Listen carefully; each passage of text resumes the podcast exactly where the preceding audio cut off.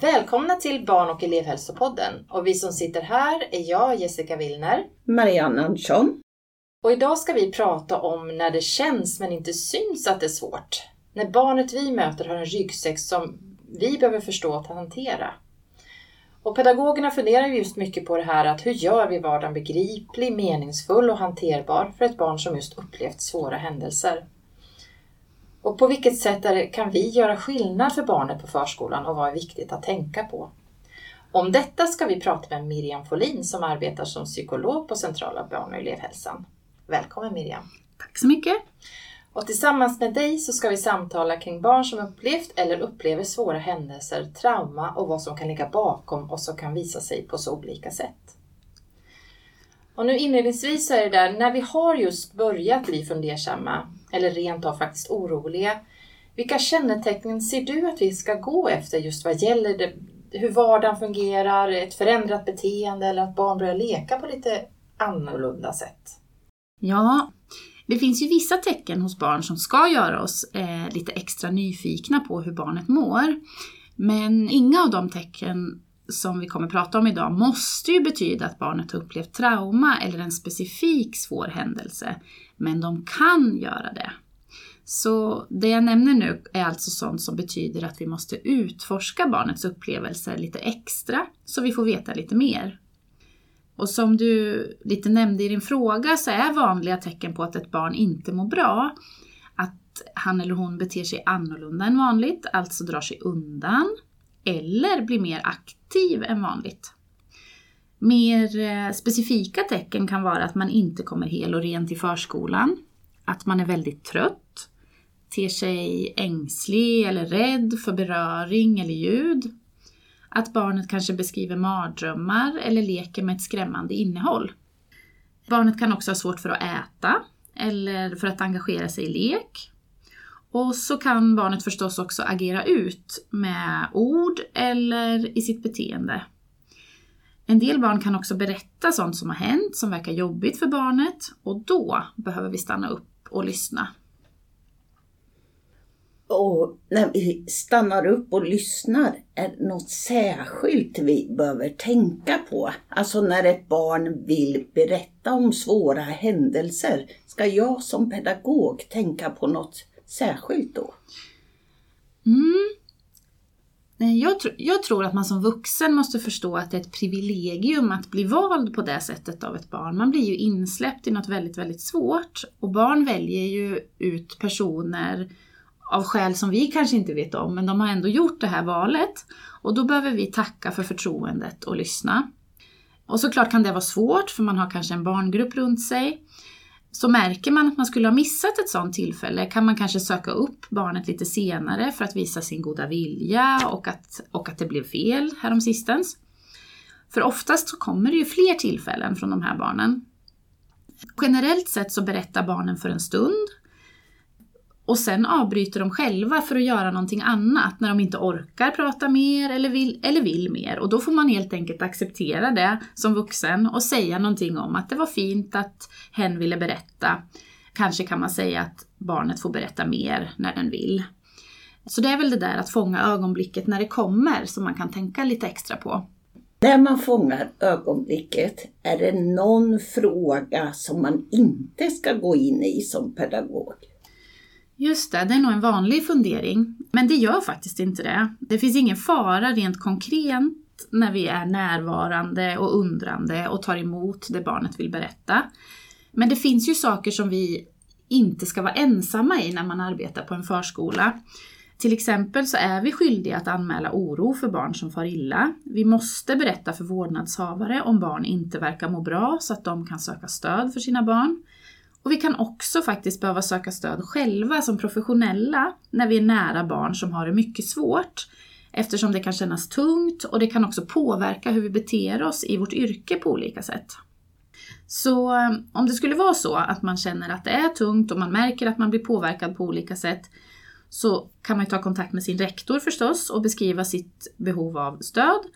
Och sen kan ju också vi från Centrala barn och elevhälsan vara del av det stödet.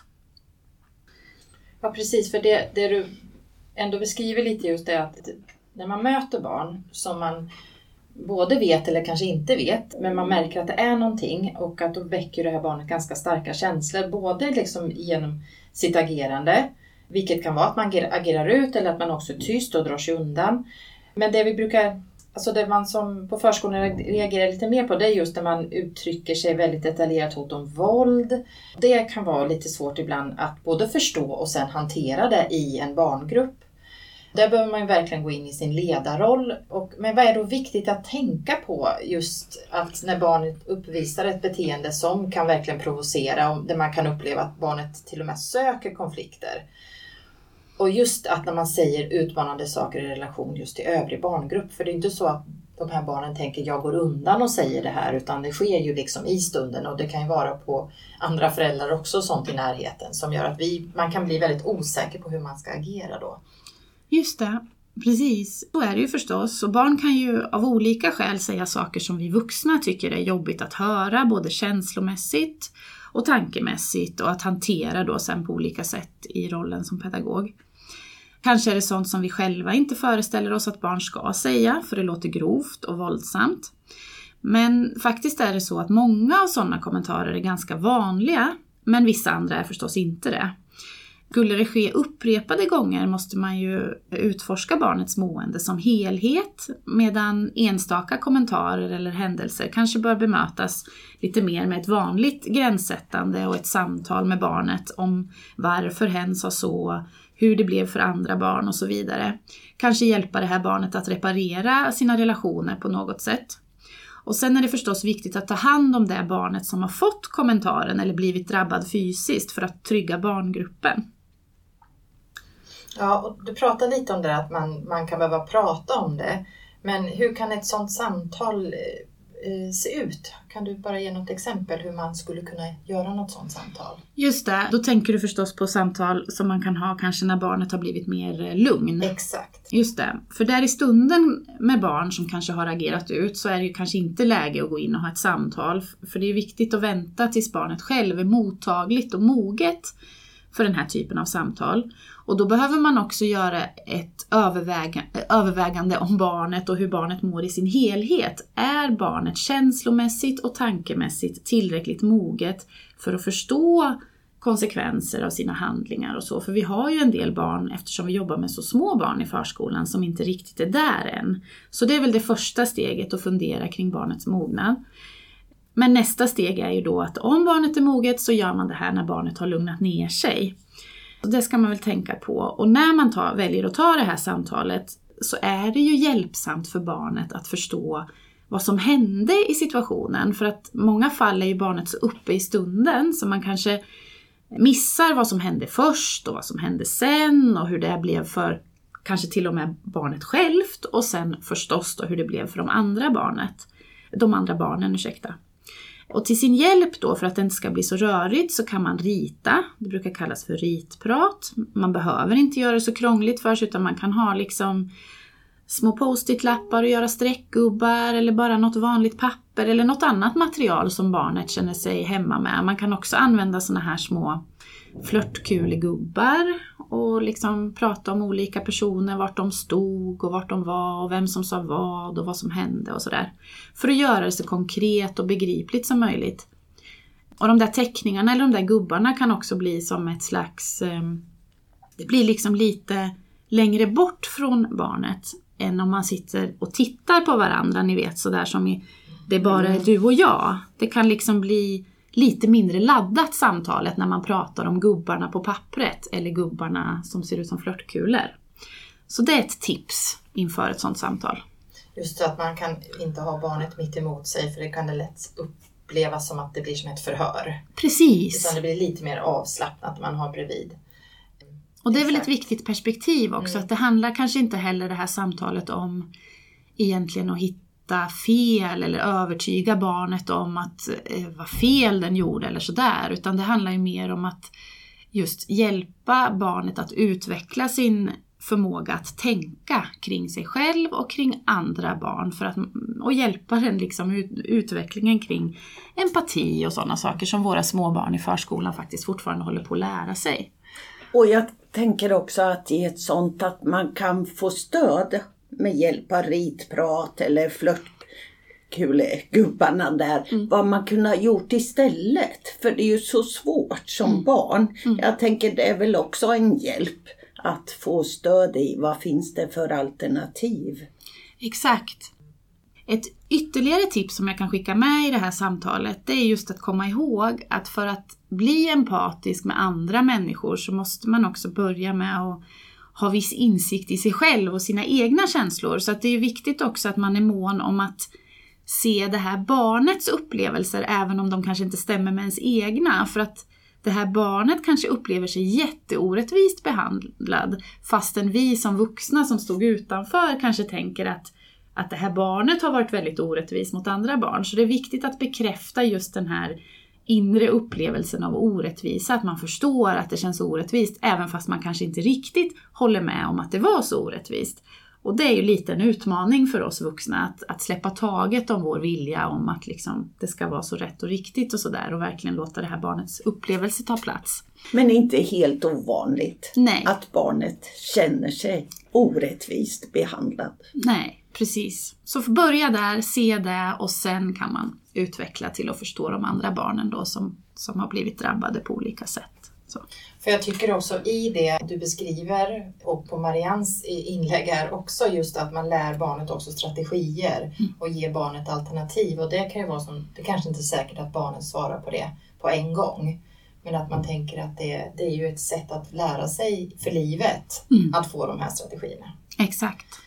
Men jag, går, jag återkommer ändå lite till det här, för jag, jag, vet inte riktigt om vi pratade så mycket om det. Det här med just osäkerheten vad gäller hot om våldsamheter mm. som just är riktat till de övriga barnen. För att vi har erfarenhet av att just ett barn som agerar ut väldigt mycket och hotar kan verkligen nästan tysta en hel barngrupp. Mm.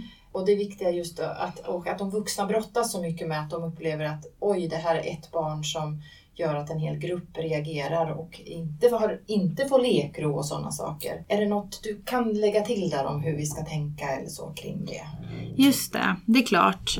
För det, kan ju, det är ju lätt hänt att man blir upptagen av att kanske förstå och kanske till och med ha önskningar om att ändra beteendet hos det här barnet som agerar ut.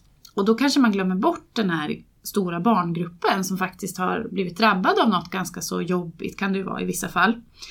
Så det är ju superviktigt att faktiskt se och bemöta de här barnen som råkar illa ut. Både för deras egen skull så att de ska byggas upp och känna vad som är rätt och fel och att de har ett värde och deras känslor spelar roll och så. Så att de känner sig trygga med att vara på förskolan. Men faktiskt ska man ju göra det också för det barnets skull som har råkat agera ut. För att gör man inte det finns ju risken att, att barnen inte vågar leka med det här barnet då, som, som har gjort de här misstagen. Så det är ju också för att trygga det här barnet på längre sikt att faktiskt möta och se gruppen som råkar illa ut. Så att man kan få en trygg grupp som helhet som fungerar bra tillsammans. Så det är, det är helt sant att det, det är klart man ska möta dem också, att man kan påminna sig själv om det. Ja, och där behöver man ju någonstans också finnas som stöd i leken eller när, just för att undvika att det här händer så att man snabbare kanske kan gå och bryta och ändra riktning på leken för att det här barnet inte heller ska få en sån stämpel på sig att man inte kan leka med det här barnet. Precis. Mm. Så där bör man ju vara ett väldigt, väldigt stöd i själva leken när man märker att det, att det håller på att, att balla ur lite grann. Mm.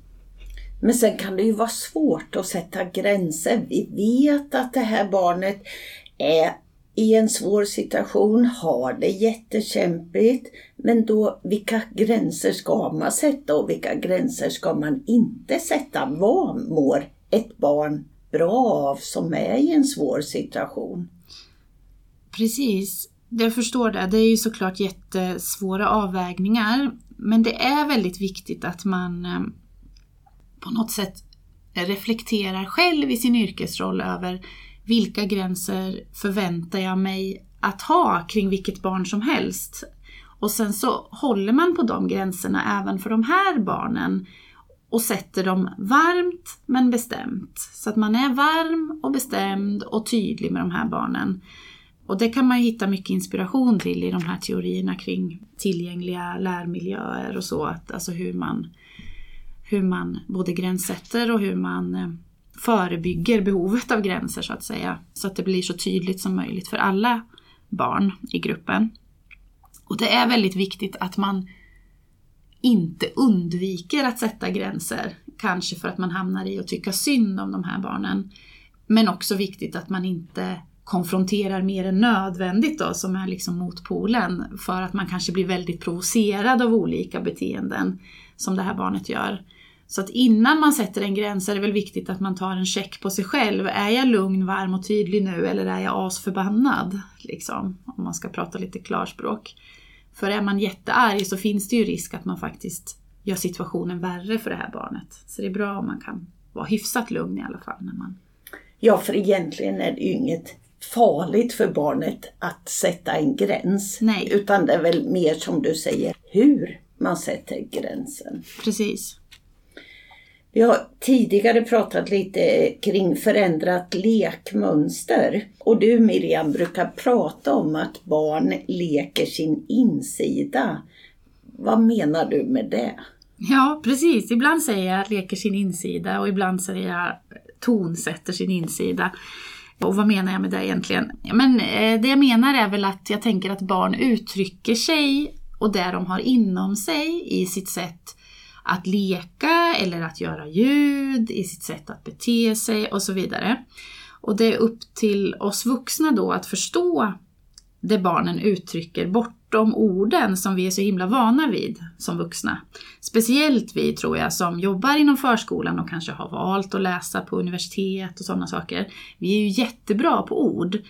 Men, men barn använder ju helt andra sätt att kommunicera när de är så små som de är när de går på förskolan. Så vi måste liksom engagera oss i barns lek så att vi kommer dem närmre, så att de känner sig sedda i det som de själva är mest naturliga i och använda deras arena. Liksom. Och där behöver vi då kartlägga och observera barnets lek och just som du säger engagera oss i den. Men leken är ju inte alltid så lätt att förstå, för både för de andra barnen och för oss vuxna. Och ibland så kan också leken vara skrämmande för barnet själv men även för de andra barnen. Och det kan vara lekar med eh, våldsamma lekar, det kan vara med lekar med sexuella inslag. Så när ska vi egentligen just reagera vid barns lek och, och hur, hur kan vi eller ska vi ändra lekens inriktning? förskolan ska ju liksom inte driva terapi i det som man ibland tänker, gud om barnet leker så här konstiga saker, är det en form av terapi? Eller ska den få plats? Mm. Nu blev det väldigt många frågor här men, men just när ska, vi, när ska vi reagera? Just det. Ja, ibland blir ju lek lite läskig. Till exempel är det ju vanligt att leka krig och så, men det är ju inte den typen av lek du pratar om nu, tänker jag.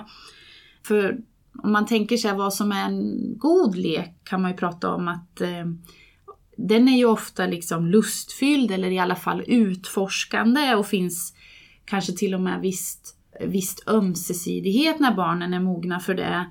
Och den liksom är ganska så kreativ, den liksom utvecklas under tiden barnet leker sin lek. Men det du pratar om är kanske lite mer, och som man kan hålla sig lite i om man funderar över, över en lek, är ju att den blir liksom mer fast och upprepande. Och det finns kanske inte riktigt något flöde eller någon flexibilitet och heller inte någon ömsesidighet med någon annan när man kan förvänta sig det utifrån hur stor, stort barnet är. Då. Och sen kan man också se ibland att barnet självt ser skrämt ut och då pratar vi ju liksom om finlir här med mimik och så, att barnet ser borta ut och kanske ibland hör vi pedagoger beskriva att det ser ut som att han är i sin egen bubbla, i sin egen värld.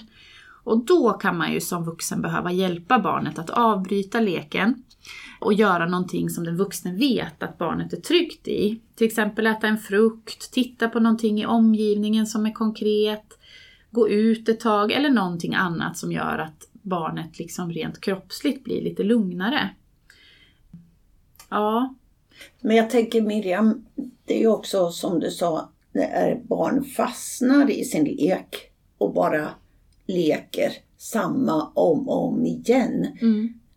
Vad är då viktigt att jag som pedagog, hur stöttar jag barnet då?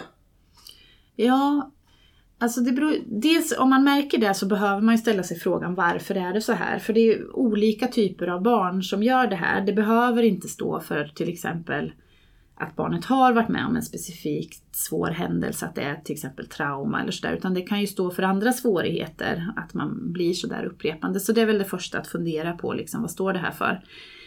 Men, men sen är det ju att försöka få med sig barnet mer in i den verklighet och värld som vi andra är i. Och det gör man då genom att liksom prata om, kanske till exempel, hör du hur klockan tickar? Eller ser du hur vinden viner i träden? Eller titta här på min nyckelknippa, har du sett? Jag har en ny nyckelring här. Alltså just att man försiktigt, vänligt lockar barnet in i att vara med oss här i gemenskapen istället för i den här leken som för oss tycks ha blivit otäck för barnet då, och mer liksom fast i någonting som känns låst och lite skrämmande. Det är ju en magkänsla man får använda där när det är läge. Mm. Men det är så man får göra. Men skulle det mer vara till exempel, för lek kan ju bli skrämmande på andra sätt. Att det blir skrämmande teman i leken till exempel, att eh, det är massa hus som brinner ner eller jag vet inte, att eh, det är någon som drunknar eller något sånt där, att barnen leker och så kommer det in något sånt här farofyllt tema. Och då kan man ju istället som vuxen engagera sig i leken och kanske införa något tryggt element. Till exempel, ja ah, men då kommer ambulansen och det simmar ut en jätte jättesnabb människa och räddar den här med en livboj och, kom, och, och sen så äter de eh, frukt och allt är bra igen. Eller vad vet jag, någonting sånt. Eller om det brinner, att man eh, imiterar en brandbil och så löser sig situationen. Så att, och då, för då kanske man har märkt mer att ja, det är skrämmande teman men det finns fortfarande något utforskande i det. Jag vill liksom lite försiktigt få föra in här i barnets värld att ja, men det finns trygga element i världen också. Så det tycker jag också man kan göra inom ramen för uppdraget, liksom, att, eh, utan att det för den saken skulle bli terapi. Liksom. Ja, för en av eh, vad heter det, friskfaktorerna är väl trygghet. Mm. Men sen har vi ju många fler på förskolan. Kanske många fler skyddsfaktorer än vad vi tänker på. Och om du tänker på barn i svåra situationer och förskolans skyddsfaktorer och riskfaktorer. Hur skulle du beskriva dem? Vad är skydd och vad är risk för ett barn på förskolan? Just det. Skyddsfaktorerna, alltså de främsta skyddsfaktorerna skulle jag absolut säga är alla supervärdefulla pedagoger som just är med de här barnen varje dag. Det kan ju vara de människor som träffar de här barnen mest, bortsett från vårdnadshavare. Så det är ju de närvarande vuxna, tänker jag, som är den största frisk eller skyddsfaktorn. Och sen är det ju så att förskolans läroplan tycker jag är jätte, jättefin och bra. Den, den lyfter verkligen fram barnets utveckling och barnets behov på ett väldigt tydligt sätt.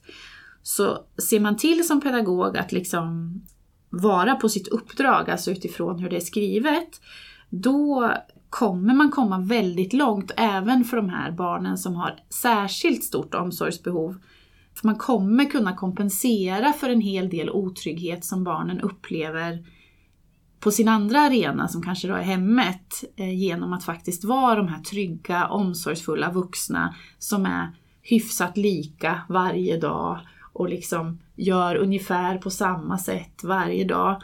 Det är en, gör en otrolig skillnad för de här barnen som har det så tufft i övrigt. Ja, där behöver man väl jobba mycket med förutsägbarheten för att också öka tilliten till oss vuxna. Mm. Så att man vet vad man har att vänta sig. Sen är det klart att de andra barnen, där kan det hända hur mycket mm. saker som helst. Mm. Men att någonstans att vi står fasta i våran struktur hur, vad, när vi jobbar med de här barnen. Precis. Um. Du frågade om riskfaktor också va? Kom ja, jag på nu. Jag antar att det finns kanske några riskfaktorer Precis. också. Jag missade det. Jag blev så um, Eh, vad heter det, engagerad i de här bra sakerna på förskolan. Men det är klart att det finns ju dessvärre riskfaktorer också. Och dels så har vi ju en relativt stor personalomsättning på en del förskolor och då blir det ju fler byten av människor. Och de här barnen som, som redan kanske har, eller som i de flesta fall har upplevt otrygghet, kanske till följd av hur vuxna har agerat, så är de ju särskilt känsliga för byten av personer för att det är mycket svårare för dem att bygga nya relationer. Så personalomsättningen, men också när vi har liksom inbyggna eh, inbyggda människobyten kan man säga. Och det i själva strukturen, för vi har ju ibland exempel på att man kanske har inbyggt att det blir tre övergångar under sin förskoleperiod. Och i ett barns liv är ju inte ett och ett halvt år eller ett år, två år, det är ju inte så lång tid. Och då, det är ju också en riskfaktor för just de här barnen då, att de måste byta pedagog många gånger. För det blir ju ändå på förskolan byten utifrån att det behövs vikarier när folk är sjuka och sådär. Så kan man i den övergripande strukturen ändå försöka hålla så att det blir så lite byten som möjligt så är det såklart bra. Innan vi avslutar nu Miriam, finns det någonting som du skulle vilja lägga till?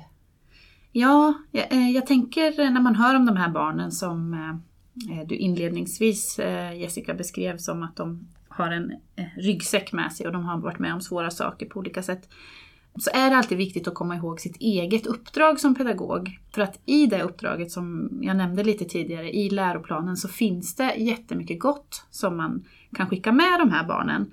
Och det är också viktigt att man inte kliver in i någon annans uppdrag. Vi ska till exempel inte ställa diagnoser i förskolan, utan det vi kan göra när vi ser de här tecknen, det är att vi blir nyfikna, vi ser till att närma oss de här barnen och försöker förstå dem så att vi kan göra och ge en så god pedagogik som möjligt i en så trygg miljö som möjligt. Och för att få lite tankemässig hjälp i det så kan man också tänka på att faktiskt ha en väldigt konkret handlingsplan för de här barnen, precis som man har för de barn som kommer in i förskolan med någon typ av diagnos. Och det är lätt att glömma, för att det är ju inte liksom diagnoser som styr vårt uppdrag i förskolan. Så tänk inte att man behöver ställa diagnoser eller veta exakt vad det är liksom, med de här barnen vi pratat om idag, utan det viktiga är att vara nyfiken och närma sig och hålla sig till sitt pedagogiska uppdrag, så kommer man skicka med de här barnen jätte, jätteviktiga redskap i livet och senare i skolan också. Ja, vad bra Miriam att du säger det, för ibland blir vi lite upptagna i att undra, gör inte andra något, till exempel SOS och bekymmer. Ibland känner vi bekymmersamt. Är det verkligen någon som tar hundraprocentigt ansvar?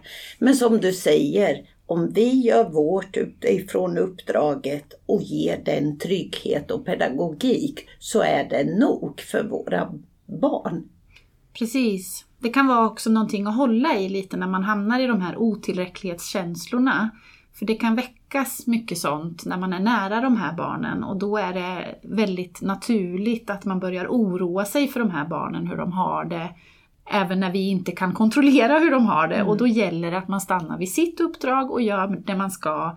Se till såklart att man har gjort orosanmälningar när det är aktuellt och så. Men så fortsätter man med sitt uppdrag. Mm. Så här, avslutningsvis då Miriam, så tänker jag utifrån det vi har pratat om idag så tycker jag att, att du har förmedlat väldigt mycket hopp, att det finns mycket vi kan göra och att det ryms faktiskt inom det uppdrag som vi har.